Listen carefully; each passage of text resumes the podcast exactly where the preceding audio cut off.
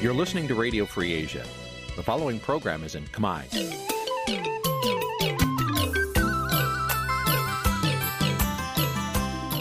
នេះជាកម្មវិធីផ្សាយ Vuthu Azizi Serai នេះជាកម្មវិធីផ្សាយរបស់ Vuthu Azizi Serai ជាភាសាខ្មែរ Vuthu Azizi Serai សូមស្វាគមន៍លោកអ្នកនាងទាំងអស់ពីរដ្ឋធានី Washington នៃសហរដ្ឋអាមេរិក បាទខ្ញុំបាទយ៉ងច័ន្ទដារាសូមជម្រាបសួរលោកអ្នកនាងកញ្ញាអ្នកស្ដាប់ Vuthu Azizi Serai ទាំងអស់ជាទីមេត្រីខ្ញុំបាទសូមជូនកម្មវិធីផ្សាយសម្រាប់ព្រឹកថ្ងៃសៅរ៍500ខែអាសត់ឆ្នាំខាលចត្វាស័កពុទ្ធសករាជ2566ត្រូវនឹងថ្ងៃទី15ខែតុលាគ្រិស្តសករាជ2022បាទជាដំបូងនេះសូមអញ្ជើញលោកអ្នកនាងស្ដាប់ព័ត៌មានប្រចាំថ្ងៃដែលមានមេត្តាដូចតទៅ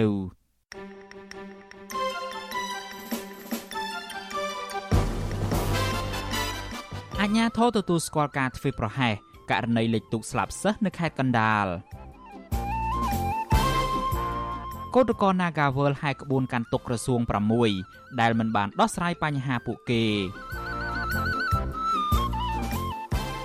ប្រជាពលរដ្ឋពួរយបារម្ភបាត់បង់មុខរបរក្រោយភៀកគីថៃស្នើលែងឲ្យមានអ្នកអូសរទេះនៅព្រំដែន ព្រៃសហគមន៍ខេត្តស្ទឹងត្រែង បន្តរងការកាប់បំផ្លាញពីសំណាក់ក្រុមហ៊ុនឯកជន រួមនឹងព័ត៌មានសំខាន់សំខាន់មួយចំនួនទៀត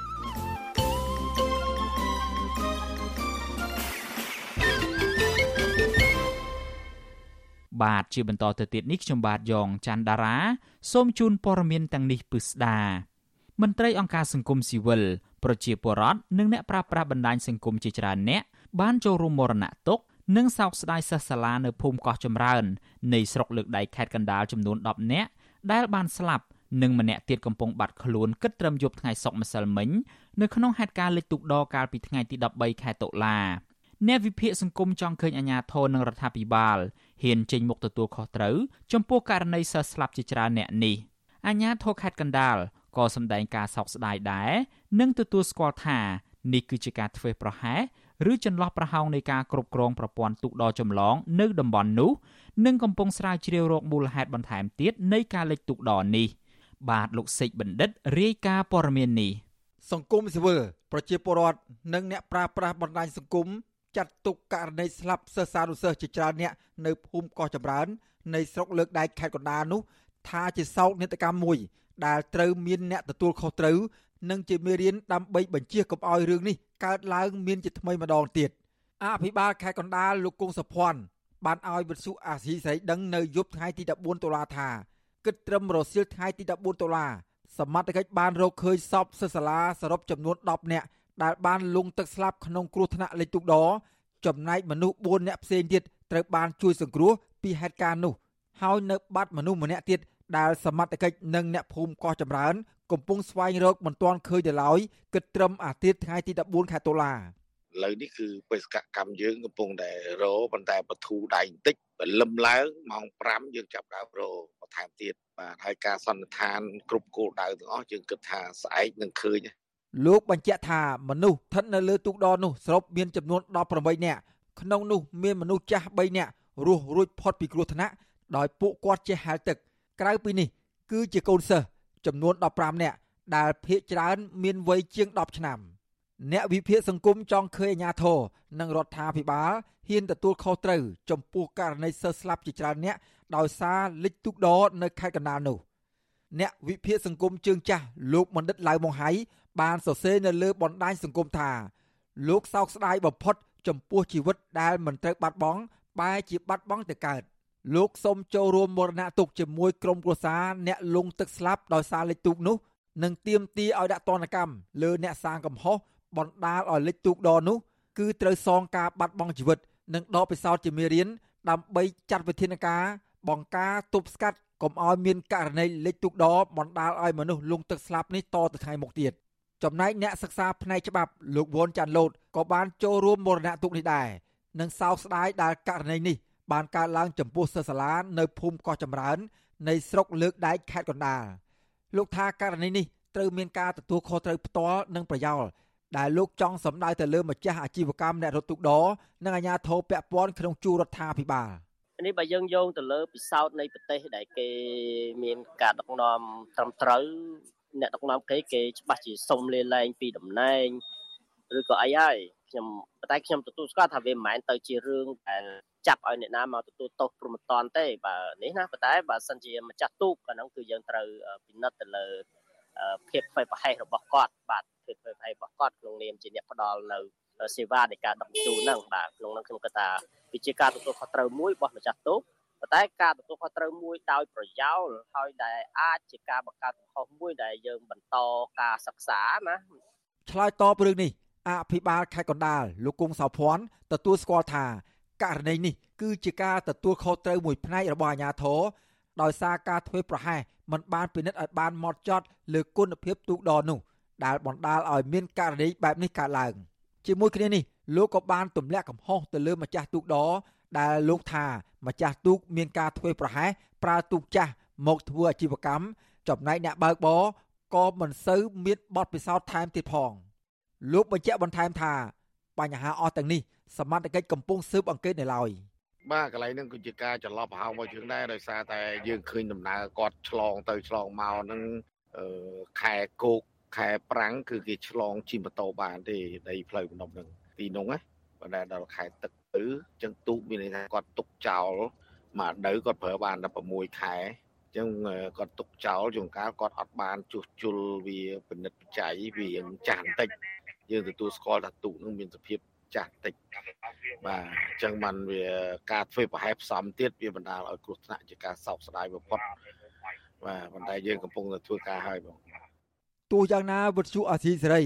នៅពុំទាន់អាចតាក់ទងក្រុមប្រសាជនរងគ្រោះនិងម្ចាស់អ្នករត់ទូកដរដើម្បីសុំឲ្យបំភ្លឺអំពីមូលហេតុពិតប្រាកដដែលបណ្ដាលឲ្យលេចទូកដរនាំឲ្យមនុស្សស្លាប់ជាច្រើនអ្នកបែបនេះបាននៅឡើយទេ កាលពីថ្ងៃសុក្រទី14ខែតុលា តែទោះយ៉ាងណាក្តីករណីគ្រោះថ្នាក់បណ្ដាលឲ្យមានមនុស្សស្លាប់ដោយជាការបាក់រលំអគារដែលកំពុងសាងសង់នៅក្នុងក្រុងព្រះសីហនុនិងនៅខេត្តកំពតកន្លងមកព្រមទាំងករណីជន់គ្នាស្លាប់នៅលើស្ពានកោះពេជ្រក្នុងរាជធានីភ្នំពេញជាដើមនោះរដ្ឋាភិបាលមិនបានដាក់ទូទាត់ឬដកមុខតំណែងមន្ត្រីអាជ្ញាធរដែលពាក់ព័ន្ធព្រមទាំងម្ចាស់សំណង់នោះនៅឡើយរហូតមកទល់នឹងពេលនេះខ្ញុំបាទសេកបណ្ឌិតវុទ្ធុអាស៊ីសេរីពីរដ្ឋធានីវ៉ាស៊ីនតោន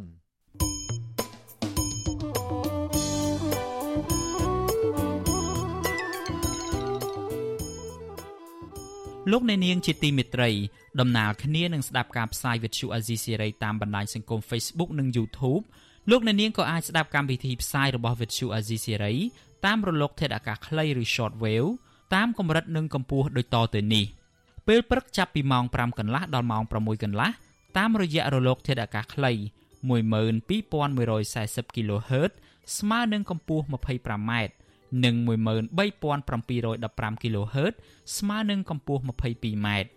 ពេលយប់ចាប់ពីម៉ោង7កន្លះដល់ម៉ោង8កន្លះ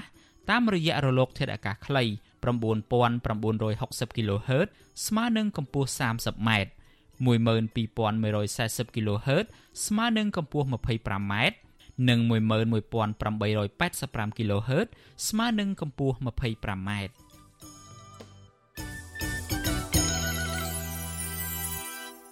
បាទលោកអ្នកនាងជាទីមេត្រីពាក់ព័ន្ធទៅនឹងវិវាទនៅក្រុមហ៊ុន Casino NagaWorld ឯណោះវិញក្រុមកោតក្រ NagaWorld ជាង100នាក់កាលពីថ្ងៃទី14ខែតុលាម្សិលមិញនេះបានបន្តធ្វើកោតកម្មអហិង្សាដែលនាំគ្នាកាន់បដាដើរហែកក្បួនកាន់ទុកក្រសួងពាក់ព័ន្ធចំនួន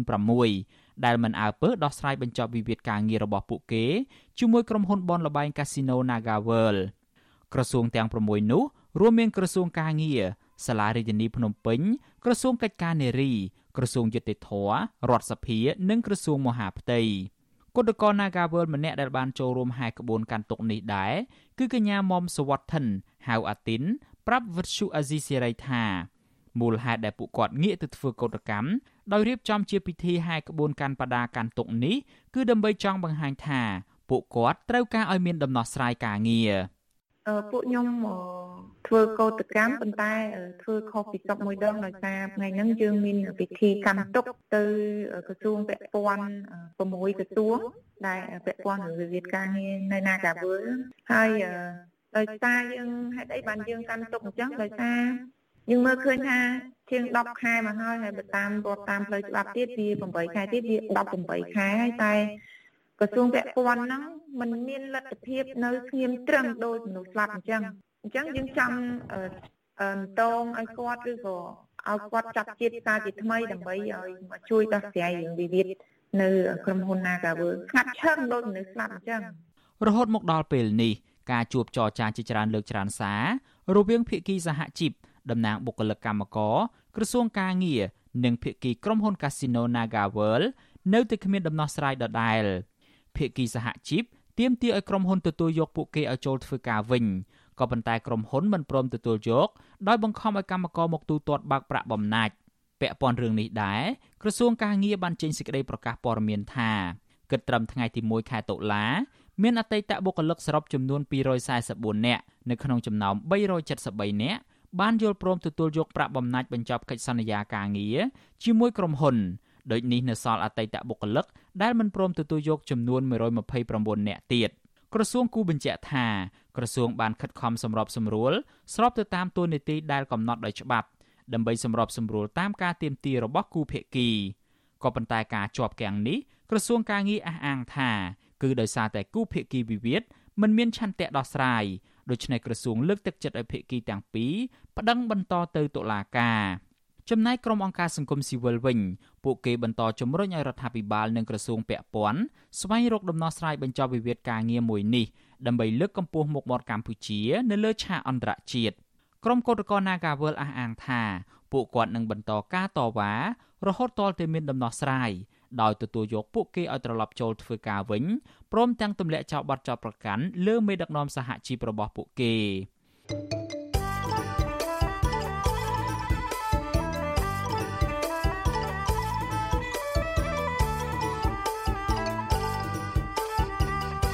បាទលោកអ្នកនាងជាទីមេត្រីតកតូនទៅនឹងជីវភាពរបស់ប្រជាពលរដ្ឋនៅឯព្រំដែនឯណោះវិញ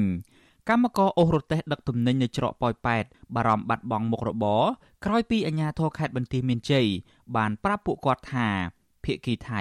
ស្នើសុំបញ្ឈប់ឲ្យមានអ្នកអូសរទេះនៅតាមច្រកព្រំដែនប៉ោយប៉ែតតទៅទៀតមន្ត្រីអង្គការសង្គមស៊ីវិលយល់ឃើញថារដ្ឋាភិបាលគួរតែផ្ដល់ឱកាសនិងអនុគ្រោះដល់ប្រជាពលរដ្ឋក្រីក្រនៅតាមច្រកព្រំដែន ដោយអនុញ្ញាតឲ្យពួកគាត់បន្តអូសរទេះរោគប្រាក់ចំណូលដោះស្រាយជីវភាព។បាទសំលោកនាងស្ដាប់សេចក្តីរាយការណ៍ព័ត៌មាននេះរបស់លោកទីនហ្សាការីយ៉ាដូចតទៅកម្មករអរទេសមួយចំនួនរិះគន់អាញាធរកម្ពុជាតំបន់ព្រំដែនក្រុងប៉ោយប៉ែតថាមិនគួរហាមឃាត់ពួកគេមិនឲ្យអរទេសដឹកទំនិញនៅតំបន់ព្រំដែននោះឡើយកម្មករអរទេសពីការជើងឆ្វេងនៅច្រកប៉ោយប៉ែតលោកពៅចនប្រាប់វិទ្យុអាស៊ីសេរីកាលពីថ្ងៃទី14តុលាថារាល់ថ្ងៃនេះលោកពិបាកចិត្តខ្លាំង ព្រោះត្រូវបង់ប្រាក់ចម្ពាក់ធនាគារនិងដោះស្រាយជីវភាពគ្រួសារប្រចាំថ្ងៃ។លោកពៅចោតបន្តថាការដែលអាជ្ញាធរលុបបំបាត់កម្មករអរទេសនៅតាមច្រកព្រំដែនបែបនេះប្រៀបដូចជាការសម្លាប់បរតក្រីក្រដែលគ្មានការងារធ្វើនៅតាមច្រកព្រំដែនលោកពៅចោតបញ្ជាក់ថាពួកគេគ្មានរបរអ្វីផ្សេងក្រៅពីការអរទេសនេះទេដូច្នេះបើសិនជាអាជ្ញាធរនៅតែហាមឃាត់មិនឲ្យមានកម្មករអរទេសមែនលោកប្រហែលជាត្រូវចំណាកស្រុកទៅសំទាននៅប្រទេសថៃ ដើម្បីរកប្រាក់ដោះស្រាយជីវភាពគ្រួសារប្រចាំថ្ងៃ។ ខ្ញុំមកគិតសុំជឿនស្រុកថៃហ្នឹងនិយាយការប៉ັດមកនេះខ្ញុំនឹងរកអីទេព្រោះបាត់ធ្វើចឹងខ្ញុំរកមិនឡើបាត់មកតែមកយើងរកផងហើយយើងចង់លុយអង្គការគេមករកស៊ីរកអីដើម្បីទិញបានបោះតាមទីផ្សារអង្គការទៅថ្ងៃហ្នឹងឯហ្នឹងហើយដល់ពេលគាត់ធ្វើបាត់ចឹងឲ្យខ្ញុំនឹងមិនទេមិនរកសុំជឿនស្រុកថៃខ្ញុំនិយាយការប៉ັດមកហ្នឹងវេទនាណាថៃថៃគេមិនបាត់ទេបងឯងថៃឲ្យឲ្យយើងអូសចេញតាមសេរីខូចខ្មែរយើងបាត់ខ្មែរយើងស្ទើរថៃមិនឲ្យបាត់មិនឲ្យមានអាសេមិនអីមិនថៃមិនមែនទេមិនថៃឲ្យធ្វើការមិនខ្មែរយើងធ្វើឲ្យទេ កន្លងទៅនៅតាមច្រកព្រំដែនអន្តរជាតិប៉ោយប៉ែតតែងតែមានការត្អូញត្អែពីកម្មករនិងពលករឆ្លងដែនត្រូវអាជ្ញាធរគៀបសង្កត់និងចម្រិតធាប្រាក់ច្រើននិងមានសារព័ត៌មានចុះផ្សាយប្រងព្រាតដែរប៉ុន្តែរដ្ឋាភិបាលហាក់គ្មានចំណាត់ការដោះស្រាយនិងស្រាវជ្រាវពីបញ្ហាអាជ្ញាធរច្រកព្រំដែនខ្មែរនិងអាជ្ញាធរថៃដែលធ្វើបាបពលករនិងបរិវត្តក្រីក្រនេះទេចំណែកឯកម្មករអរទេសនៅច្រកប៉ោយប៉ែតម្នាក់ទៀតលោកជាឌឿនលើកឡើងថា មុខរបរអរទេសរាល់ថ្ងៃនេះប្រឈមតែបញ្ហាជាមួយអាជ្ញាធរខ្មែរតែប៉ុណ្ណោះចំណែកឯអាជ្ញាធរថៃសម្រាប់សម្រួលនិងអនុញ្ញាតការអរទេសចេញចូលជាធម្មតាលោកបន្តថាក្រន្តកម្មកអរទេសដឹកជញ្ជូនអីវ៉ាន់ត្រឹមមួយកេះក៏ត្រូវមន្ត្រីគយច្រកព្រំដែនចាប់ទាំងរទេសនិងទំនិញដែរលោកបានថែមថាដោយសារតែជីវភាពក្រលំបាកនិងគ្មានមុខរបរអ្វីផ្សេងធ្វើក្រៅពីមុខរបរអរទេសទើបលោកតស៊ូដូច្នេះម្យ៉ាងវិញទៀត បច្ចុប្បន្នផ្ទះទឹកលិចត្រូវកូនរៀនសូត្រនិងត្រូវចំណាយលើអាហារហូបចុកនិងប្រាក់សងបង្វិលទៅធនាគារជាដើមលោកជាឌឿនអះអាងថារាល់ថ្ងៃនេះមុខរបរអរទេសបានប្រាក់ចំណូលតែអាហារ3ពេលសម្រាប់គ្រួសារតែប៉ុណ្ណោះព្រោះទំនិញគ្រប់ប្រភេទមានតម្លៃថ្លៃហើយកម្រៃបានមកពីការលក់កម្លាំងពលកម្មតម្លៃថោកលោកជាឌឿនអំពាវនាវដល់រដ្ឋាភិបាលនិងស្ថាប័នពាក់ព័ន្ធ ជួយសម្រួលឲ្យកម្មករអរទេសដោយអនុញ្ញាតឲ្យបន្តមុខរបរនេះដើម្បីរកប្រាក់ដោះស្រាយជីវភាពគ្រួសារប្រចាំថ្ងៃ។បងអើយខ្ញុំមិនដឹងថាមានពីអីនិយាយគាត់ថាវាមិនដឹងថាមានមុខរបរអីរនឹងឯងបងហើយណាមួយបើតាមតែពួកខ្ញុំដឹងភាកគីខាងថៃគេអត់បិទទេបងគេឲ្យយើងអូសអីវ៉ាន់ចេញចូលធម្មតានឹងឯងភាកច្រើនគឺកយខ្មែរយើងគឺមិនឲ្យដឹកអីចេញបដ ாய் បងអារម្មណ៍វាមិនដឹងថាគិតតែម៉េចបងអើយបើសន្ទីពឹងតាំងអូអតេះហ្នឹងឥឡូវបើសិនណាជាគេមិនឲ្យអងវាមានមិនដឹងថាទៅធ្វើម៉េចគេកើតបងវាវាគ្រាន់តែពិបាកជីវភាពផ្ទះជួលគេកូនទៅរៀនអត់លុយឲ្យកូនចាយហ្នឹងបងវិទ្យុអាស៊ីសេរីមិនអាចតកតងនាយប៉ោះច្រកអន្តរជាតិប៉ោយប៉ែតលោកអ៊ីចម្រើន និងអភិបាលខេត្តបន្ទាយមានជ័យលោកងមេងជ្រួន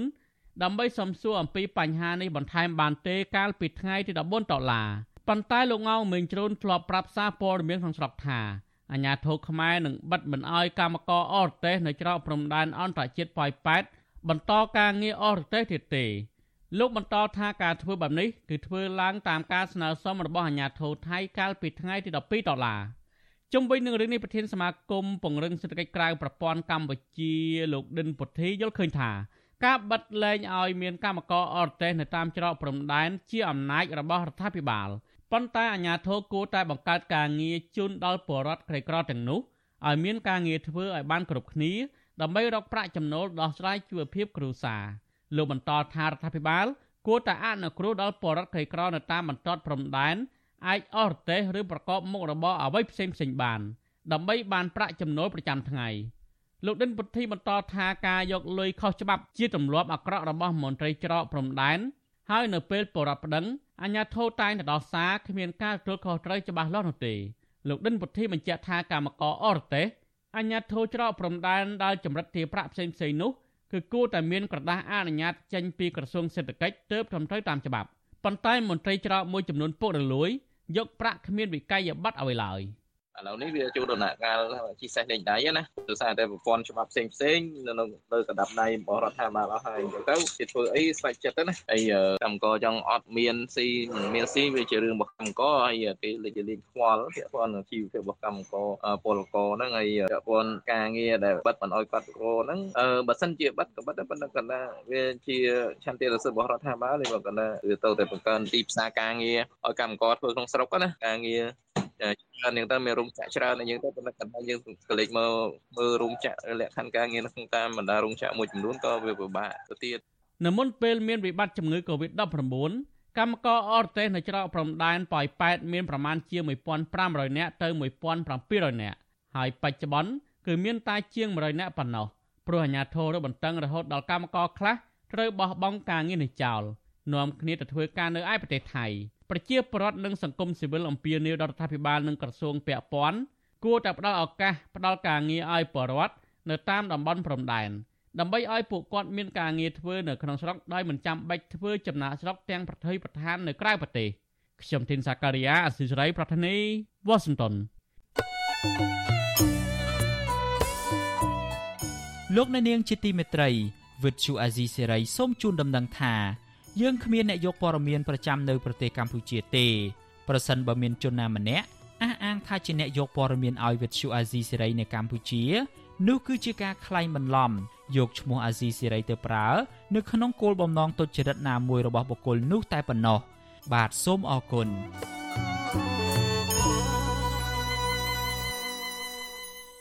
បាទលោកអ្នកនាងជាទីមេត្រីតកតងទៅនឹងរឿងបោះឆ្នោតឯណោះវិញ ប្រជាពលរដ្ឋមួយចំនួន ដែលភ ieck ច្រើនជាពលករចំណាក់ស្រុកនៅមិនទាន់ចុះឈ្មោះបោះឆ្នោតសម្រាប់អាណត្តិទី6នៅឡើយទេ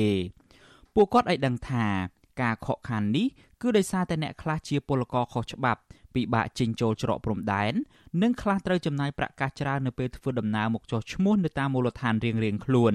មន្ត្រីអង្គការសង្គមស៊ីវិលយល់ថាបញ្ហានេះត្រូវតែមានការចូលរួមពីប្រជាពលរដ្ឋខ្លួនឯងផ្ទាល់និងជាការទទួលខុសត្រូវរបស់រដ្ឋាភិបាល ជាពិសេសគឺគណៈកម្មាធិការជាតិរៀបចំការបោះឆ្នោតបាទអ្នកស្រីម៉ៅសុធីនីរាយការណ៍ព័ត៌មាននេះពលករខ្មែរធ្វើការនៅក្រៅប្រទេសភាគច្រើនអះអាងថាពួកគាត់នៅមិនទាន់បានចុះឈ្មោះបោះឆ្នោតអាណត្តិថ្មីនៅឡើយទេ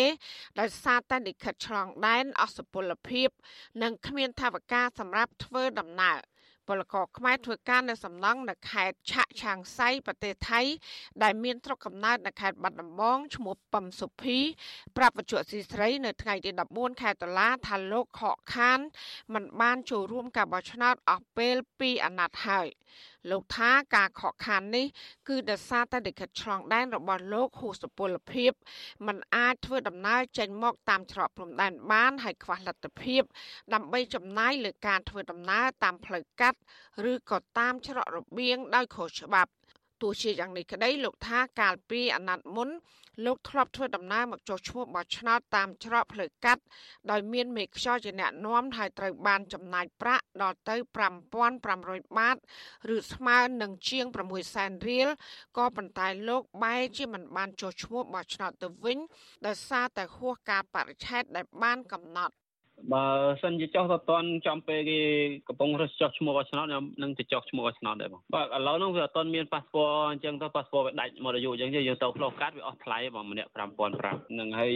ថ្លៃយើងធ្វើដំណើរពីជាដែនទៅដល់ផ្ទះទៀត ត្រដៀងគ្នានេះដែរពលករធ្វើការនៅខេត្តជាប់ទីក្រុងបាងកកដែលមានស្រុកកំណើតនៅខេត្តឧត្តរមានជ័យលោករតឡាឲ្យដឹងដែរថាលោកមិនអាចទៅចុះឈ្មោះបោះឆ្នោតនៅឯស្រុកកំណើតបានទេ ពីព្រោះការធ្វើដំណើរត្រូវចំណាយប្រាក់ច្រើនស្របពេលដែលសេដ្ឋកិច្ចនៅប្រទេសថៃកំពុងធ្លាក់ចុះ ដែលធ្វើឲ្យពលករបាត់បង់ការងារនិងប្រាក់ចំណូលលោករដ្ឋឡាបន្តថាការបោះឆ្នោតគឺជាឱកាសសម្រាប់ឲ្យប្រជាពលរដ្ឋជ្រើសរើសមេដឹកនាំដែលមានសមត្ថភាព ដើម្បីកសាងនិងអភិវឌ្ឍសង្គមជាតិលោកក៏បានស្នើដល់រដ្ឋាភិបាលឲ្យជួយសម្រួលឲ្យពលករដែលធ្វើការនៅប្រទេសថៃ ដើម្បីមានលទ្ធភាពអាចទៅចូលឈ្មោះបោះឆ្នោតដូចជាបរដ្ឋនៅក្នុងប្រទេសដែរ អត់មានហ្មងតែខ្ញុំអត់ទាន់បានចុះឈ្មោះឆ្នោតព្រោះថាវាកូវីដទៅវាឡើងចុះយ៉ាបាទនៅមួយសេដ្ឋកិច្ចយើងទៅល្អបងចុះទៅនិយាយទៅមកដល់ផ្ទះបណ្ដោយបងផែក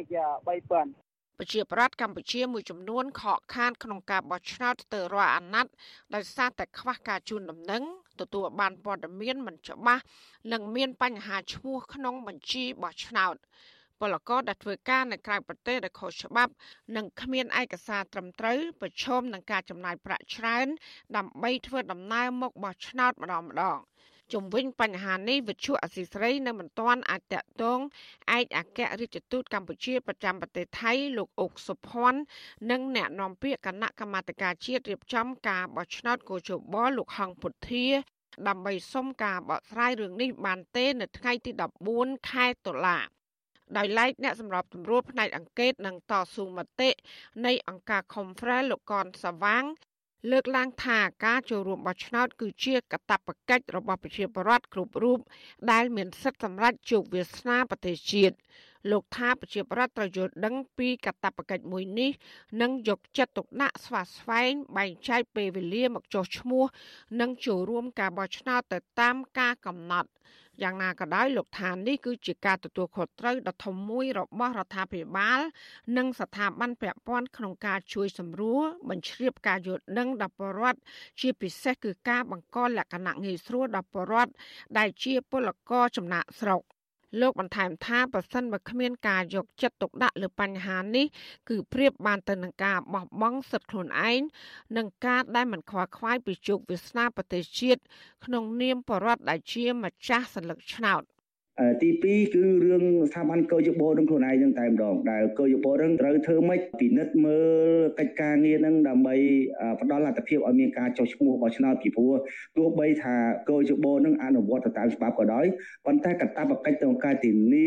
ការរៀបចំឲ្យមានឲ្យប្រជាពលរដ្ឋមានការប្រើប្រាស់សិទ្ធិគឺជាកាតព្វកិច្ចចាំបាច់របស់ស្ថាប័នកោយបោនឹងហើយដែលត្រូវមើលនៅចំណុចដែលខ្វះខាតនឹងបាទនេះជារឿងមួយដែលសំខាន់ណាស់បាទ បើតាមទិន្នន័យរបស់គណៈកម្មាធិការជាតិរៀបចំការបោះឆ្នោតកោជបឲ្យដឹងថាចំនួនអ្នកដែលបានទៅចុះឈ្មោះបោះឆ្នោតឃុំសង្កាត់ឆ្នាំ2022គឺមានចំនួនសរុបប្រមាណ9លាន2សែននាក់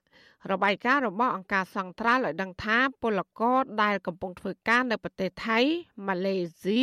ជប៉ុននិងកូរ៉េខាងត្បូង គឺមានសរុបជាង2លាន5សែននាក់ដែលមិនបានទៅចូលរួមក្នុងការចុះឈ្មោះបោះឆ្នោត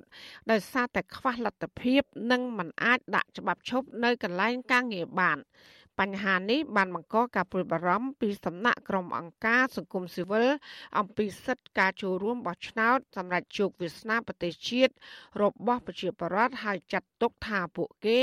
ហាក់ត្រូវបានគេផាត់ចេញពីកាតព្វកិច្ចរបស់ខ្លួន។ ចាននាងខ្ញុំម៉ៃសុធានីវិទ្យុអាស៊ីស្រីប្រធានាធិបតី Washington បាទលោកនាងជាទីមេត្រីពាក់ព័ន្ធទៅនឹងការបោះឆ្នោតនេះដែរក្រុមអ្នកវិភាគនយោបាយលើកឡើងថារបបយោធាខុសច្បាប់ភូមាទំនងជាធ្វើតាមលោកនាយរដ្ឋមន្ត្រីហ៊ុនសែនក្នុងការរៀបចំបោះឆ្នោតคล้ายៗកាលពីឆ្នាំ2018អ្នកវិភាគយល់ថារបបយោធាភូមាកំពុងតែស្វះស្វែងរកភាពស្របច្បាប់តាមរយៈការបោះឆ្នោតដើម្បីបិទបាំងរបបខុសច្បាប់សពថ្ងៃ ដែលកើតចេញពីអំពើរដ្ឋប្រហារកាលពីដើមឆ្នាំ2021បាទលោកអ្នកនាងនឹងបានស្ដាប់សេចក្តីរាយការណ៍នេះពឺស្ដានៅក្នុងការផ្សាយរបស់យើងនាពេលបន្តិចទៀតនេះ។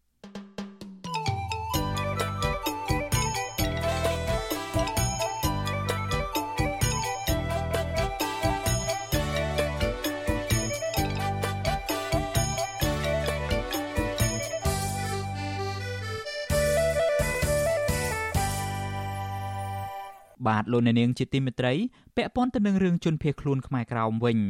ប៉ូលីសថៃបានចាប់ខ្លួនជនភៀសខ្លួនខ្មែរក្រោមជាង10នាក់ពេលដែលពួកគាត់កំពុងតែធ្វើការនៅក្នុងផ្សារមួយជាប់ទីក្រុងបាងកកប៉ូលីសថៃបានបញ្ជូនពួកគេទៅការិយាល័យអន្តោប្រវេសន៍កាលពីព្រឹកថ្ងៃទី14ខែតុលាម្សិលមិញ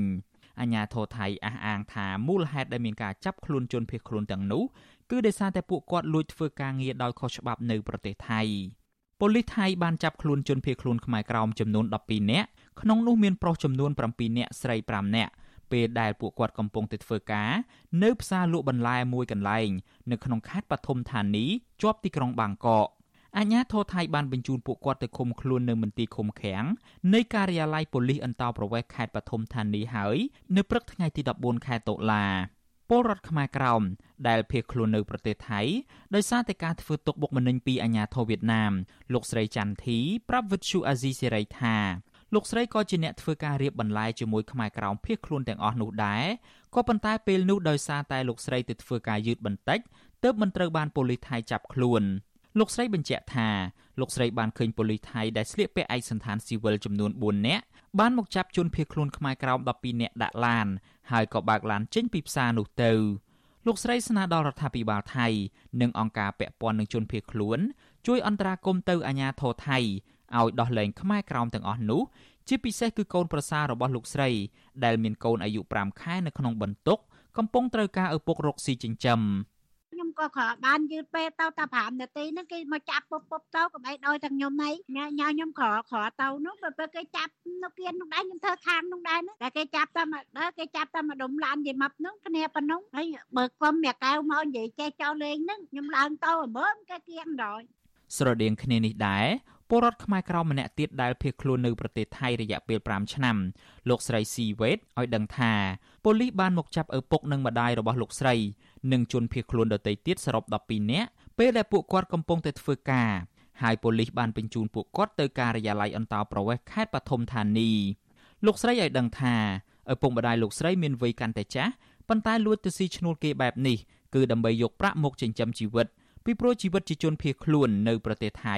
មានការលំបាកនៅក្នុងការរកការងារស្របច្បាប់ មានទៅឃើញដែរមិនបានទៅឃើញទេលុយទៅតាមអាដាគេទេយម៉ាត់ទេតាមទូរស័ព្ទហ្នឹងណាយម៉ាត់ថាគេចាប់ទៅអស់ហើយទៅរត់ចាប់យាយយាយទៅអស់ហើយយាយមានតែយឡែនដែរនិងយឡែនធ្វើនោះដែរប្រជាពលរដ្ឋខ្មែរក្រោមដែលភៀសខ្លួននៅប្រទេសថៃពួកគាត់បានរត់គេចខ្លួនពីការធ្វើទុកបុកម្នេញពីសំណាក់អាជ្ញាធរវៀតណាមពួកគាត់ឲ្យដឹងថារដ្ឋាភិបាលវៀតណាមបានរឹបអូសដីធ្លីរបស់ពួកគាត់ហើយបានរដ្ឋបិទការគោរពជំនឿសាសនា ទំនៀមទម្លាប់ ប្រពៃណីនិងវប្បធម៌ព្រមទាំងហាមមិនឲ្យបង្រៀនអក្សរខ្មែរដល់កូនចៅខ្មែរទៀតផងពាក់ព័ន្ធទៅនឹងរឿងនេះប៉ូលីសថៃបានប្រាប់វិទ្យុអាស៊ីសេរីផ្នែកភាសាឡាវដោយសុំមិនបញ្ចេញឈ្មោះនិងសម្លេងថាក្រុមប៉ូលីសថៃបានចាប់ជនភៀសខ្លួនខ្មែរតែ10នាក់ទេនៅព្រឹកថ្ងៃទី14ខែតុលានៅក្នុងផ្សារលក់បន្លែជាប់ទីក្រុងបាងកកលោកបញ្ជាក់ថាការចាប់ខ្លួននេះគឺដោយសារតែពួកគេចូលមកធ្វើការងារក្នុងប្រទេសថៃដោយខុសច្បាប់ប៉ូលីសរូបនេះបញ្ជាក់ទៀតថា ជនភៀសខ្លួនទាំងអស់នេះមានលិខិតសម្គាល់ខ្លួនផ្សេងផ្សេងគ្នាដោយអ្នកខ្លះទិដ្ឋាការហួសកំណត់និងអ្នកខ្លះមានបានសម្គាល់ខ្លួនដែលចេញដោយអង្គការសហប្រជាជាតិទទួលបន្ទុកផ្នែកសិទ្ធិមនុស្សក៏ប៉ុន្តែបាននេះមិនអាចជួយពួកគេឲ្យរួចពីការចាប់ខ្លួនបានទេ ស្របពេលដែលប្រទេសថៃកំពុងតែរៀបចំកិច្ចប្រជុំសហប្រតិបត្តិការសេដ្ឋកិច្ចអាស៊ីប៉ាស៊ីហ្វិកផងហេតុដូច្នេះប្រទេសថៃត្រូវរៀបចំសម្ដាប់ធ្នាប់ដោយមានការបោះសម្អាតជនអន្តោប្រវេសន៍ខុសច្បាប់ទៅតាមបទបញ្ជាពីថ្នាក់លើ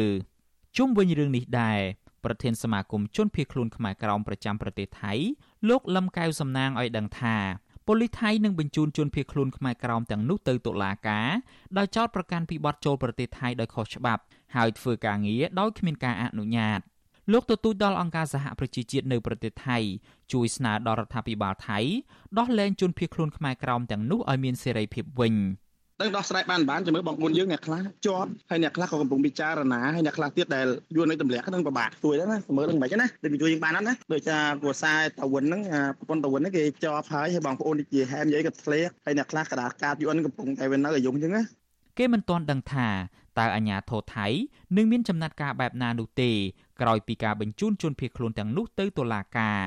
ទោះជាយ៉ាងណាប្រពន្ធពីជនភៀសខ្លួនផ្សេងទៀតឲ្យដឹងថា មន្ត្រីអង្គការសហប្រជាជាតិទទួលបន្ទុកជនភៀសខ្លួននៅប្រទេសថៃកំពុងសម្របសម្រួលជាមួយអាជ្ញាធរថៃឲ្យមានការយោគយល់និងដោះលែងជនភៀសខ្លួនខ្មែរក្រោមទាំងអស់នោះហើយ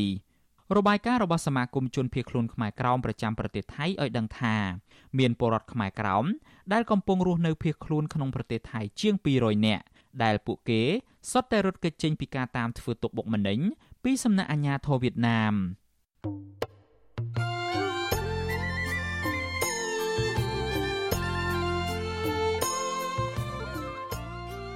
លោកអ្នកនាងជាទីមេត្រី នៅក្នុងឱកាសនេះដែរខ្ញុំបាទសូមថ្លែងអំណរគុណដល់លោកអ្នកនាងកញ្ញាទាំងអស់ដែលតែងតែមានភក្ដីភាពចំពោះការផ្សាយរបស់យើងហើយចាត់ទុកការស្ដាប់វិទ្យុអាស៊ីសេរីជាផ្នែកមួយនៃសកម្មភាពប្រចាំថ្ងៃរបស់លោកអ្នកនាងគឺការគ្រប់គ្រងរបស់លោកអ្នកនាងនេះហើយដែលធ្វើឲ្យយើងខ្ញុំមានទឹកចិត្តកាន់តែខ្លាំងថែមទៀតនៅក្នុងការស្វែងរកនិងផ្តល់ព័ត៌មានជូនលោកអ្នកនាង មានអ្នកស្ដាប់អ្នកទស្សនាកាន់តែច្រើន កាន់តែធ្វើឲ្យយើងខ្ញុំមានភាពស្វាហាប់មោះមុតជាបន្តទៅទៀតយើងខ្ញុំសូមអរគុណទុកជាមុនហើយសូមអញ្ជើញលោកអ្នកនាងកញ្ញាចូលរួមជំរុញឲ្យសកម្មភាពផ្តល់ព័ត៌មានរបស់យើងនេះឲ្យកាន់តែជោគជ័យបន្ថែមទៀតលោកអ្នកនាងអាចជួយយើងខ្ញុំបានដោយគ្រាន់តែចុចចែករំលែកឬ share ការផ្សាយរបស់យើងនៅលើបណ្ដាញសង្គម Facebook និង YouTube ទៅកាន់មិត្តភ័ក្តិដើម្បីឲ្យការផ្សាយរបស់យើងបានទៅដល់មនុស្សកាន់តែច្រើន បាទសូមអរគុណ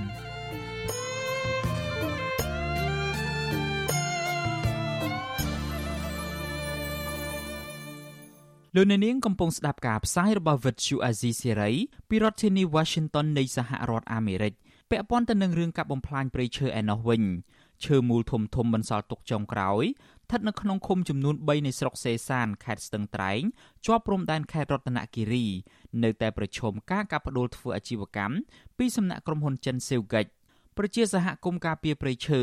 បន្តចោទក្រុមហ៊ុនមួយនេះ ថាបំពេញកិច្ចសន្យាវិនិយោគដោយបន្លំដឹកឈើពីខាងក្រៅចូលការដ្ឋានរបស់ខ្លួនជាច្រើនខែមកហើយបាទលោកលេងម៉ាលីរាយការណ៍ព័ត៌មាននេះពលរដ្ឋរស់នៅក្នុងឃុំចំនួន3ក្នុងស្រុកសេសាន គឺឃុំស្រែគរឃុំតាឡាត និងឃុំក្បាលរមៀសបន្តអំពាវនាវដល់រដ្ឋាភិបាលនិងស្ថាប័នពាក់ព័ន្ធឲ្យស៊ើបអង្កេតពីអក្រិតកម្មព្រៃឈើខ្នាតធំដែលប្រព្រឹត្តឡើងដោយក្រុមហ៊ុនចិនឈ្មោះ Sevgate ការអំពាវនាវនេះ គឺកើតឡើងក្រោយពីក្រុមហ៊ុនចិនមួយនេះនៅតែបន្តប្រមូលឈើមានតម្លៃភាគច្រើនជាឈើឆ្លិចដឹកចេញពីព្រៃអភិរក្សក្នុងស្រុកសេសានឆ្លងកាត់ទន្លេស្រែពក និងទន្លេសេសាន អ្នកភូមិថាក្រុមហ៊ុននេះបានប្រើសាឡាង និងរថយន្តកែច្នៃជាមធ្យោបាយប្រមូលឈើចេញពីតំបន់អភិរក្សក្នុងឃុំតាឡាត និងតំបន់ក្រឡាពោះជាប់ព្រំដែនខេត្តរតនគិរី ពលរដ្ឋរស់នៅឃុំស្រែគោលោកហ្វុតខឿនប្រាប់វិទ្យុអាស៊ីសេរីនៅថ្ងៃទី14តុលាថាផ្ទៃដីវិនិយោគដែលរដ្ឋាភិបាលផ្ដល់សិទ្ធិឲ្យក្រុមហ៊ុននេះអភិវឌ្ឍពុំមានឈើធំធំទៀតទេហើយឈើដែលក្រុមហ៊ុនកំពុងអាជ្រៀកធ្វើអាជីវកម្មគឺនាំចូលពីប្រភពខាងក្រៅ។លោកបន្ថែមថាអាជីវកម្មឈើរបស់ក្រុមហ៊ុននេះកើតឡើងជាបន្តបន្ទាប់ជាងកន្លះឆ្នាំមកហើយដោយក្រុមហ៊ុនហាក់មានការប្រុងប្រយ័ត្នខ្ពស់ក្នុងការនាំឈើចូលការដ្ឋានរបស់ខ្លួន ច្រើនច្រើនជាគេតាមមើលដឹកចេញពីភូមិសាស្ត្រថ្មីភូមិតឡាតហ្នឹងហើយគេដឹកឆ្លងសាឡាងមកហើយឆ្លងឆ្លងសាឡាងហើយចូលពីតកាជេគេរបស់ចិនណាគេរៃគេរៃហើយគេដឹកជញ្ជូនចេញតាមភូមិក៏មានតាមឡានក៏មានលោកបារម្ភថាអាជីវកម្មឈើរបស់ក្រុមហ៊ុននេះនឹងធ្វើឲ្យដើមឈើធំធំសល់ចុងក្រោយក្នុងឃុំចំនួន3ក្នុងស្រុកសេសានហិនហោចអស់រីឯឈើខ្លះទៀតក្រុមហ៊ុនដឹកជញ្ជូនតាមផ្លូវទឹកឆ្លងកាត់ទន្លេស្រែពក និងទន្លេសេសាន ចូលការដ្ឋានក្រុមហ៊ុន ដោយប្រើកម្លាំងកម្មកររាប់សិបនាក់ចំណែកតំណាងសហគមន៍ឃុំក្បាលរមៀសលោកស្រីស្រាំងឡាញ់ឲ្យដឹងថាប្រជាសហគមន៍នឹងដាក់ញត្តិជាថ្មីទៀតទាមទារអាជ្ញាធរខេត្តស្ទឹងត្រែងឲ្យបំភ្លឺរឿងនេះព្រោះប៉ះពាល់ដល់ព្រៃអាស្រ័យផលរបស់ជនជាតិដើមភាគតិចភ្នង និងព្រៃអភិរក្សផ្សេងទៀតក្នុងឃុំតាឡាតលោកស្រីបន្ថែមថា កន្លងទៅកម្មករក្រុមហ៊ុនបានលួចចូលកាប់ឈើធំធំក្នុងតំបន់អភិរក្សរបស់សហគមន៍ក្បាលរមៀដោយគ្មានការទប់ស្កាត់ឡើយនៅពេលកដៅកដៅសហគមន៍មិនចង់ឃើញមុខញាធរខេត្តឬក៏ស្រុកចុះមកកិច្ចអន្តរកម្មជួបជាមួយសហគមន៍ចុះមើលដែលទីតាតាំងដែលប៉ះពាល់នឹងវាមិនទាន់មានវិទ្យុអស៊ីសេរីមិនអាចតាក់ទងសុំការបំភ្លឺជំវិញការចោទប្រកាន់នេះពីតំណាងក្រុមហ៊ុនចិនស៊ីវហ្គិចបាននៅឡើយទេ នៅថ្ងៃទី14តុលា ប៉ុន្តែអ្នកនាំពាក្យរដ្ឋបាលខេត្តស្ទឹងត្រែងលោកម៉ែនគង់មានប្រសាសន៍ថាប្រសិនបើក្រុមហ៊ុនអនុវត្តមិនត្រឹមត្រូវតាមកិច្ចសន្យាវិនិយោគអាជ្ញាធរជំនាញពាក់ព័ន្ធនឹងចុះពិនិត្យដោយជួបជាមួយប្រជាសហគមន៍នៅតំបន់នោះដើម្បីអនុវត្តច្បាប់លោកបញ្ជាក់ថាក្រុមហ៊ុនអាចអនុវត្តបាន គឺស្របតាមកិច្ចសន្យាវិនិយោគជាមួយរដ្ឋាភិបាល និងក្រសួងពាក់ព័ន្ធដែលបានកំណត់ក្នុងផែនការមេ ប៉ុន្តែបើសិនជាក្រុមហ៊ុនធ្វើលើសខ្ពស់ទៅនឹងព្រំប្រទូកំណត់មិនត្រឹមត្រូវទេហើយបើទទួលពីព័ត៌មានពីសហគមន៍នោះរដ្ឋបាលខេត្តនឹងចាត់វិធានការទៅតាមវិធីដោយមានកម្លាំងជំនាញរបស់យើងចុះទៅមូលដ្ឋានកាលពីថ្ងៃទី13ខែមីនាឆ្នាំ2019លោកនាយករដ្ឋមន្ត្រីហ៊ុនសែនបានចេញអនុក្រឹត្យអនុប្រយោគដីទំហំជាង7300ហិកតាសម្រាប់វិនិយោគឲ្យក្រុមហ៊ុនសម្បត្តិសេដ្ឋកិច្ចដាំដើមអាកាសយ៉ាម៉ៃសាក់និងប្រភេទឈើផ្សេងៗទៀត ប៉ុន្តែប្រជាសហគមន៍សង្កេតឃើញថាក្រុមហ៊ុនចិនស៊ីវហ្គិចបានអនុវត្តគម្រោងផ្ទុយពីកិច្ចសន្យាវិនិយោគគឺដាំដំណាំកៅស៊ូនិងដើមចេកតិចតួចប៉ុណ្ណោះគឺឃើញតែឈូសឆាយព្រៃនិងកាប់ឈើធ្វើអាជីវកម្មអស់ជាបន្តបន្ទាប់លើសពីនេះក្រុមហ៊ុនបានបើកដេប៉ូអាឈើខ្នាតធំកាលពីចុងឆ្នាំ2021ក្នុងបរិវេណក្រុមហ៊ុនស្ថិតក្នុងឃុំក្បាលរមៀសស្រុកសេសានជុំវិញរឿងនេះដែរមន្ត្រីសម្របសម្រួលសមាគមសិទ្ធិមនុស្ស ad hoc ខេត្តស្ទឹងត្រែង លោកប៊ីវ៉ានីស្នើដល់អាជ្ញាធរជាតិឲ្យស៊ើបអង្កេតអ ுக ្រិតកម្មព្រៃឈើទាំងនេះស្របពេលដែលអាជ្ញាធរខេត្តស្ទឹងត្រែងមិនអើពើអនុវត្តច្បាប់ដដែលដដែលលោកសង្កេតឃើញថាអាជ្ញាធរពាក់ព័ន្ធខេត្តនេះហាក់ស្ងាត់ស្ងៀមមិនឃើញមានចំណាត់ការទាល់តែសោះចំពោះសកម្មភាពដឹកឈើខុសច្បាប់ទាំងនេះ អាញាធមមិនមានចំណាត់ការណាមួយដែរហើយធ្វើការឲ្យបានជាក់លាក់ទេហើយយើងឈើនឹងនៅតែបន្តចាញ់ហើយឈើខ្លះប្រមូលពីក្រៅដីក្រុមហ៊ុននឹងយកទៅដាក់ចុះក្នុងរោងចក្រក្នុងក្រុមហ៊ុនជាដើមមន្ត្រីសង្គមស៊ីវិលរូបនេះអំពាវនាវដល់អាជ្ញាធរខេត្តនេះឲ្យបំភ្លឺពីភាពមិនប្រក្រតីរបស់ក្រុមហ៊ុនចិន Silgate ដែលបន្តកាប់ឈើនិងដឹកជញ្ជូនឈើដោយគ្មានសមត្ថកិច្ចណាហ៊ានរារាំង លោកថាប្រជាពលរដ្ឋភៀកច្រើនមិនហ៊ានរិះគន់និងផ្ដល់ព័ត៌មានពីអ ுக ្រិតកម្មព្រៃឈើនៅតំបន់នោះទេព្រោះបារម្ភពីសវត្ថិភាពនិងខ្លាចក្រែងអាជ្ញាធរធ្វើបាបខ្ញុំបាទលេងម៉ាលីវិទ្យុអស៊ីសេរីរាយការណ៍ពីរដ្ឋធានី Washington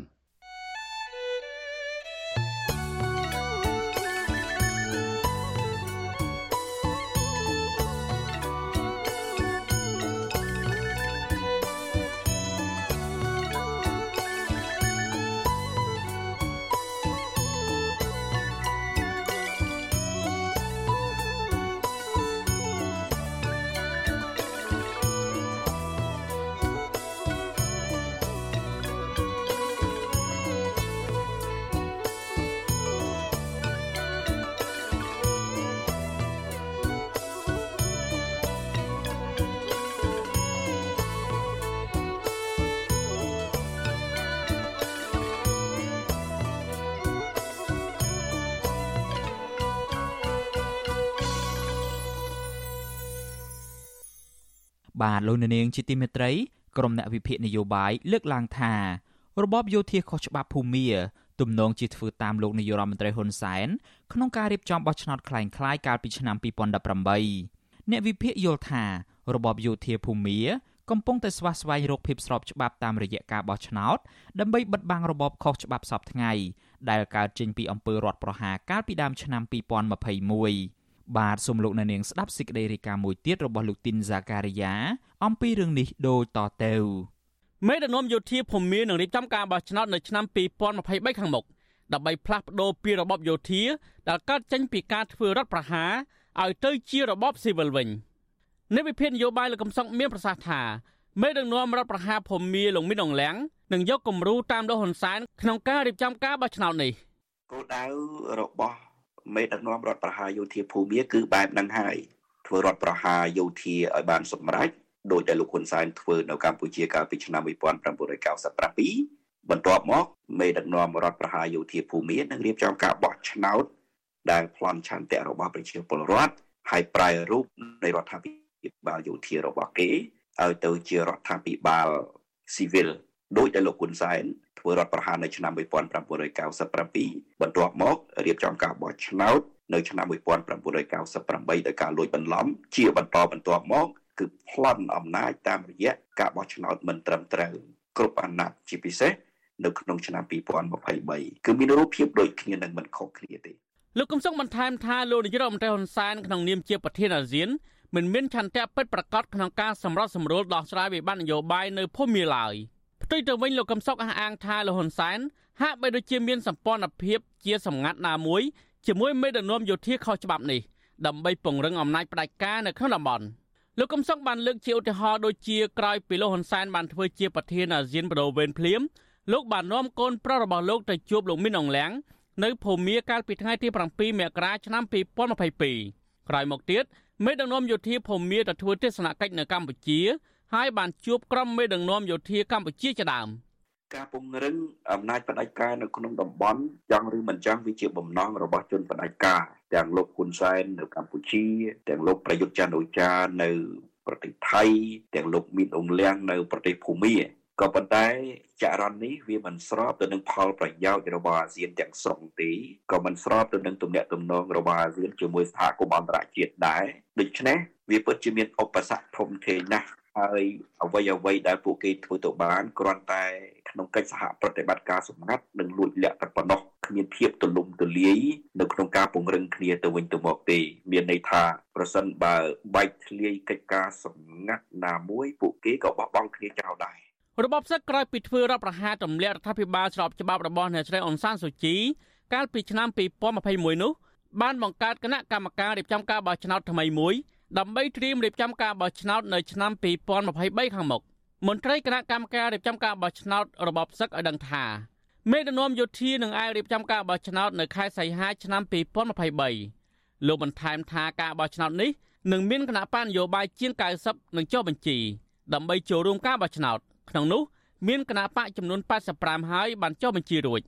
រីឯមេដឹកនាំរដ្ឋប្រហារមីយ៉ាន់ម៉ា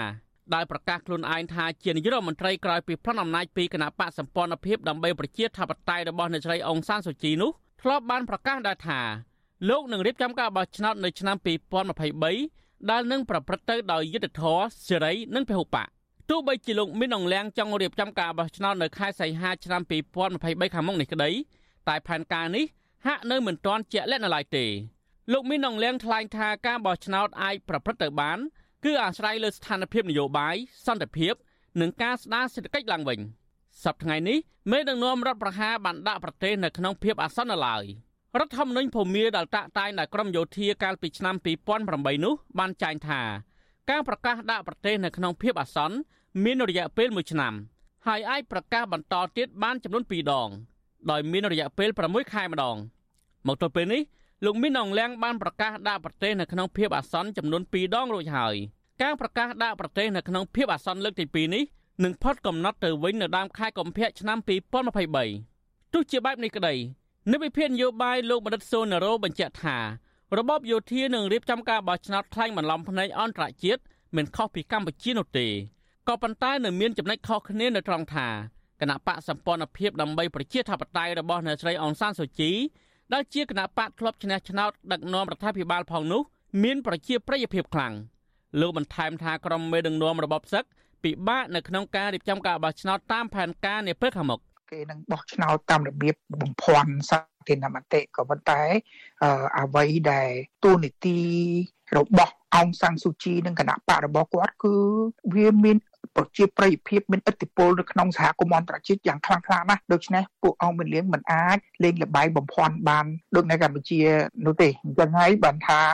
ការដែលបោះឆ្នោតគេអាចនៅតែរុញឲ្យមានការបោះឆ្នោតហើយរួចហើយលទ្ធផល នៅតែមានប្រទេសផ្ដាច់ការ3 4 10ប្រទេសអីគេគ្រប់គ្រងរួចហើយរបបនឹងនៅតែរស់នៅកំដរក្នុងភាពហុំព័ទ្ធនៃសហគមន៍អន្តរជាតិអញ្ចឹង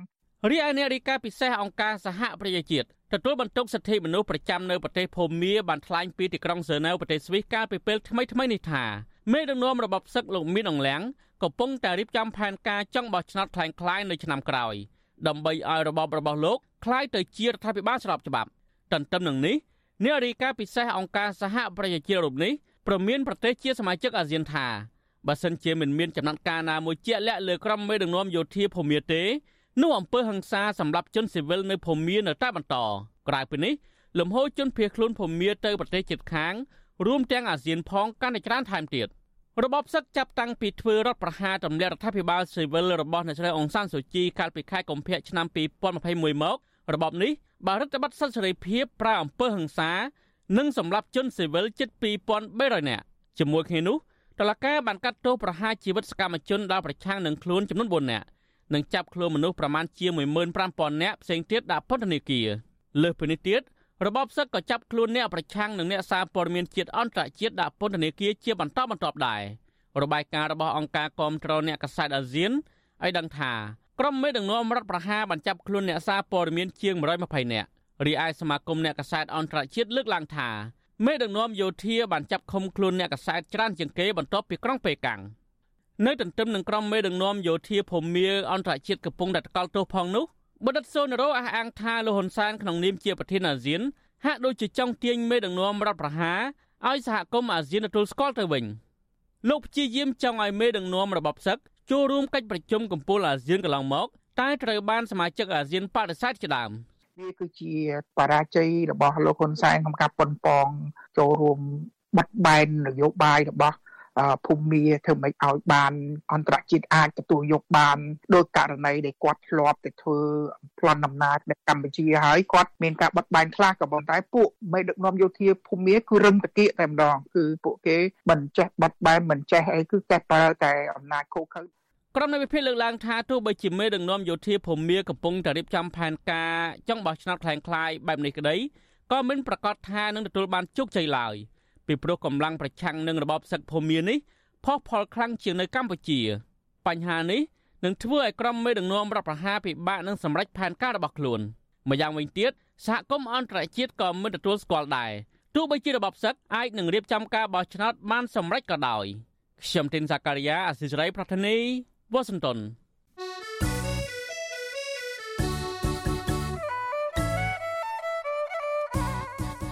លោកអ្នកនាងកញ្ញាជាទីមេត្រីក្រៅពីការតាមដានកម្មវិធីផ្សាយរបស់ Vuthu Azizi Serai តាមបណ្ដាញសង្គម Facebook YouTube Telegram លោកអ្នកនាងក៏អាចតាមដានកម្មវិធីផ្សាយរបស់យើងតាមរយៈបណ្ដាញសង្គម Instagram របស់ Azizi Serai បានដែរតាមរយៈតំណ link www.instagram.com/rfa ខ្មែរអាស៊ីសេរីបន្តខិតខំផ្សព្វផ្សាយព័ត៌មានពិតទៅកាន់បងប្អូនតាមរយៈបណ្ដាញសង្គមផ្សេងៗ និងសម្បូរបែបដើម្បីឲ្យលោកអ្នកនាងងាយស្រួលតាមដានកម្មវិធីផ្សាយរបស់យើងគ្រប់ពេលវេលា និងគ្រប់ទីកន្លែងតាមរយៈទូរស័ព្ទរបស់លោកអ្នកបាទសូមអរគុណ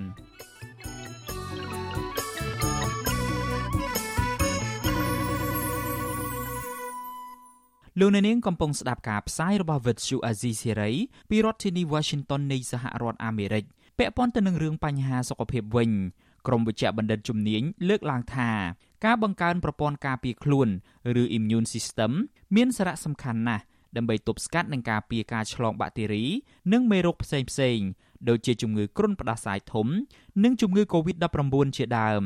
តើគេអាចមានវិធីអ្វីខ្លះដើម្បីជួយពង្រឹងប្រព័ន្ធការពារខ្លួននេះបាទអ្នកស្រីម៉ៅសុធីនីសូមជូនសេចក្តីរាយការណ៍ពិស្ដារអំពីរឿងនេះមួយទៀតក្រមវិជ្ជបណ្ឌិតវិជ្ជសាស្ត្រលើកឡើងថាវិធីងាយស្រួលបំផុត ដើម្បីបង្កើនប្រព័ន្ធការពារខ្លួនគឺតាមរយៈការបរិភោគអាហារនិងការផ្លាស់ប្ដូររបៀបរបបរស់នៅ ការផ្លាស់ប្ដូរទាំងនោះរួមមាន បរិភោគអាហារមានជីវជាតិគ្រប់គ្រាន់ដូចជាត្រីបន្លែនិងផ្លែឈើគ្រប់មុខទទួលទានដំណេកឲ្យបានគ្រប់គ្រាន់ញ៉ាំទឹកឲ្យបានច្រើន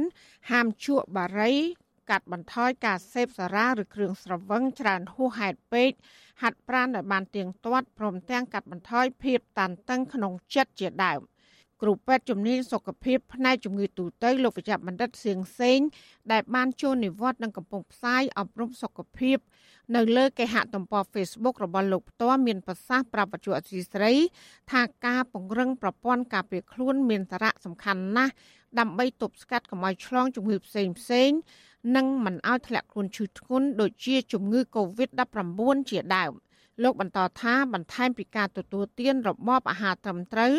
ការចាក់វ៉ាក់សាំងបង្ការជំងឺផ្សេងផ្សេងក៏អាចជួយបង្កើនប្រព័ន្ធការពារខ្លួន ដើម្បីទប់ទល់នឹងជំងឺផ្សេងផ្សេងផងដែរ ពីព្រោះកាលណាប្រព័ន្ធការពារយើងសើចគឺថាវាបណ្ដាលឲ្យយើង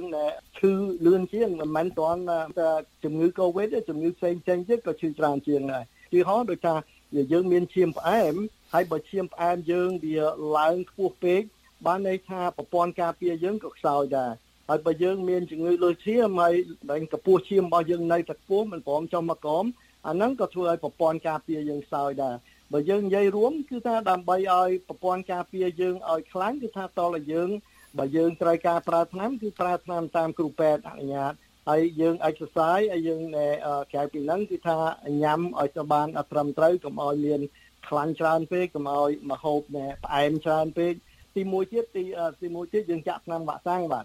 ដើម្បីការពារប្រព័ន្ធប្រព័ន្ធការពារយើងបាទមជ្ឈមណ្ឌលបង្ការជំងឺឆ្លងនៅសហរដ្ឋអាមេរិក ឲ្យដឹងថានៅពេលដែលប្រព័ន្ធការពារខ្លួនខ្លាំងគឺវាអាចទប់ស្កាត់ការឆ្លងមេរោគនិងជំងឺផ្សេងផ្សេងដូចជាជំងឺគ្រុនផ្ដាសាយធំ ជំងឺ Covid-19 និងជំងឺមហារីកជាដើមការទទួលទានរបបអាហារត្រឹមត្រូវដូចជាត្រីសាច់មាន់ដែលមានជាតិប្រូតេអ៊ីនកាត់បន្ថយជាតិខ្លាញ់ច្រើនជាតិស្ករនិងប្រៃពេក ព្រមទាំងការទទួលទានបន្លែផ្លែឈើគ្រប់មុខដែលសម្បូរទៅដោយអង់ទីអុកស៊ីដិនវីតាមីន B6 វីតាមីន C និងវីតាមីន A គឺអាចជួយបង្កើនភាពស៊ាំនៅក្នុងខ្លួនគេហទំព័រដដែលក៏បានណែនាំបន្ថែមឲ្យគេងគ្រប់គ្រាន់យ៉ាងតិច7ម៉ោងទទួលទានទឹកឲ្យបាន2លីត្រក្នុងមួយថ្ងៃហាត់ប្រាណដូចជាដើរឲ្យបាន30នាទីក្នុងមួយថ្ងៃ និងជាពិសេសរក្សាទម្ងន់កុំឲ្យធាត់ខ្លាំងពេក ក្រុមអ្នកវិទ្យាសាស្ត្រក៏បានរកឃើញថាអ្នកដែលមានបញ្ហាដំណេកឬក៏អ្នកដែលគេងមិនគ្រប់គ្រាន់រយៈពេលយូរគឺបណ្ដាលឲ្យប៉ះពាល់ដល់ប្រព័ន្ធការពារខ្លួន ដែលជាហេតុនាំឲ្យងាយកើតជំងឺផ្សេងផ្សេងជាច្រើនលោកវិជ្ជបណ្ឌិតសៀងសេងដែលបច្ចុប្បន្ន កំពុងរស់នៅរដ្ឋកាលីហ្វ័រញ៉ាមានប្រសាសន៍បន្តថាដោយសារតែបញ្ហាឆ្លងជំងឺ Covid-19 នៅតែបន្តកើតមានលោកណែនាំឲ្យបរដ្ឋចាក់វ៉ាក់សាំងបង្ការជំងឺ Covid-19 និងចាក់ដូសជំរុញដើម្បីបង្កើនប្រព័ន្ធការពារខ្លួនចំណែកឯប្រជាប្រដ្ឋដែលមានអាយុលើពី65ឆ្នាំឡើងទៅលោកថាចាំបាច់ត្រូវតែចាក់វ៉ាក់សាំងបង្ការជំងឺរលាកសួត និងជំងឺរើមជាដើម ឧបមាថាឥឡូវយើងនៅក្នុងរយៈកាលដែលយើងមាន COVID-19 ហើយយើងអត់ចាក់វ៉ាក់សាំង COVID-19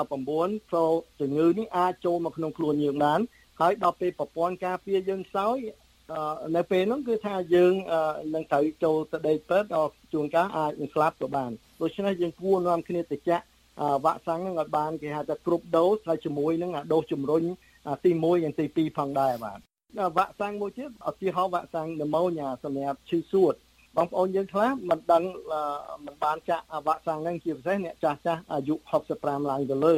យើងត្រូវចាក់វ៉ាក់សាំងហ្នឹងការពារកុំឲ្យយើងមានជំងឺរលាកសួតបើយើងមានជំងឺរលាកសួតហើយអឺតែប្រព័ន្ធការពារយើងស្ើមបន្តិចវាអាចធ្វើឲ្យយើងអាចចូលទៅក្នុងពេទ្យនិងស្លាប់ដោយសារបញ្ហាហ្នឹងក៏មានដែរចំពោះរបបអាហារសម្រាប់ទទួលទានប្រចាំថ្ងៃវិញ លោកអសតការីលឹមសួរម្ចាស់អសតដ្ឋានលឹមសួរនៅប្រទេសអូស្ត្រាលី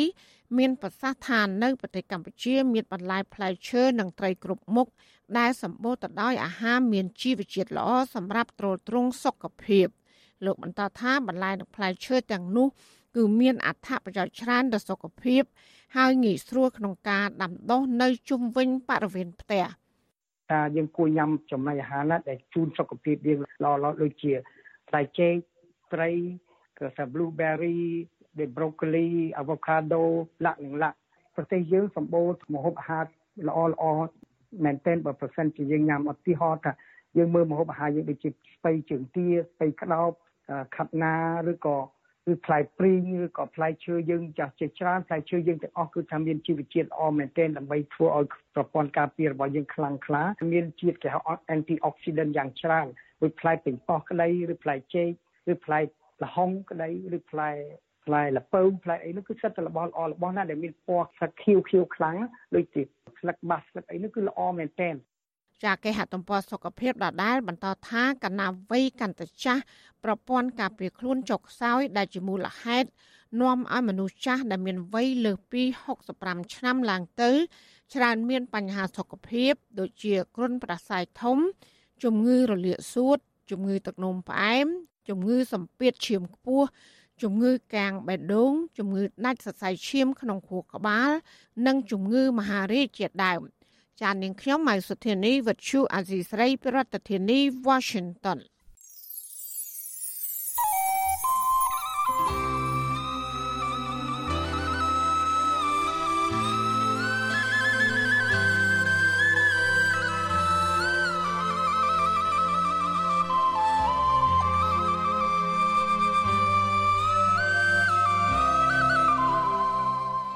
បាទលោកអ្នកនាងជាទីមេត្រីពាក់ព័ន្ធទៅនឹងវិវាទនៅក្រុមហ៊ុន Casino Naga World ឯណោះវិញក្រុមកោតក្រ Naga World ជាង100នាក់កាលពីថ្ងៃទី14ខែតុលាម្សិលមិញនេះបានបន្តធ្វើកោតកម្មអហិង្សាដោយនាំគ្នាកាន់បដាដើរហែកក្បួនកាន់ទុកក្រសួងពាក់ព័ន្ធចំនួន6ដែលមិនអើពើដោះស្រាយបញ្ចប់វិវាទការងាររបស់ពួកគេជាមួយក្រុមហ៊ុនបនលបែង Casino Naga World ក្រសួងទាំង6នោះរួមមានក្រសួងការងារ សាលារាជធានីភ្នំពេញក្រសួងកិច្ចការនារីក្រសួងយុតិធធរដ្ឋសភា និងក្រសួងមហាផ្ទៃរហូតមកដល់ពេលនេះការជួបចរចាជាច្រើនលើកច្រើនសាររវាងភាគីសហជីពតំណាងបុគ្គលិកកម្មករក្រសួងការងារនិងភាគីក្រុមហ៊ុន Casino Naga World នៅតែគ្មានដំណោះស្រាយដដែលភាគីសហជីពទាមទារឲ្យក្រុមហ៊ុនទទួលយកពួកគេឲ្យចូលធ្វើការវិញក៏ប៉ុន្តែក្រុមហ៊ុនមិនព្រមទទួលយកដោយបង្ខំឲ្យកម្មករមកទូទាត់បើកប្រាក់បំណាច់ ពាក់ព័ន្ធរឿងនេះដែរក្រសួងការងារបានចេញសេចក្តីប្រកាសព័ត៌មានថាគិតត្រឹមថ្ងៃទី1ខែតុលាមានអតីតបុគ្គលិកសរុបចំនួន244នាក់នៅក្នុងចំណោម373នាក់បានយល់ព្រមទទួលយកប្រាក់បំណាច់បញ្ចប់កិច្ចសន្យាការងារជាមួយក្រុមហ៊ុនដូចនេះនៅសល់អតីតបុគ្គលិកដែលមិនព្រមទទួលយកចំនួន129នាក់ទៀតក្រសួងគូបញ្ជាក់ថាក្រសួងបានខិតខំសម្របសម្រួលស្របទៅតាមទួលនីតិដែលកំណត់ដោយច្បាប់ ដើម្បីសម្របសម្រួលតាមការទាមទាររបស់គូភាគីក៏ប៉ុន្តែការជាប់គាំងនេះក្រសួងការងារអះអាងថា គឺដោយសារតែគូភាគីវិវាទមិនមានឆន្ទៈដោះស្រាយដូច្នេះក្រសួងលើកទឹកចិត្តឲ្យភាគីទាំងពីរប្តឹងបន្តទៅតុលាការចំណែកក្រុមអង្គការសង្គមស៊ីវិលវិញពួកគេបន្តជំរុញឲ្យរដ្ឋាភិបាលនិងក្រសួងពាក់ព័ន្ធស្វែងរកដំណោះស្រាយបញ្ចប់វិវាទការងារមួយនេះដើម្បីលើកកម្ពស់មុខមាត់កម្ពុជា នៅលើឆាកអន្តរជាតិ ក្រុមកោតក្រ Nagawal អះអាងថាពួកគាត់នឹងបន្តការតវ៉ារហូតទាល់តែមានដំណោះស្រាយដោយទទួលយកពួកគេឲ្យត្រឡប់ចូលធ្វើការវិញព្រមទាំងទម្លាក់ចោលបទចោទប្រកាន់លើមេដឹកនាំសហជីពរបស់ពួកគេ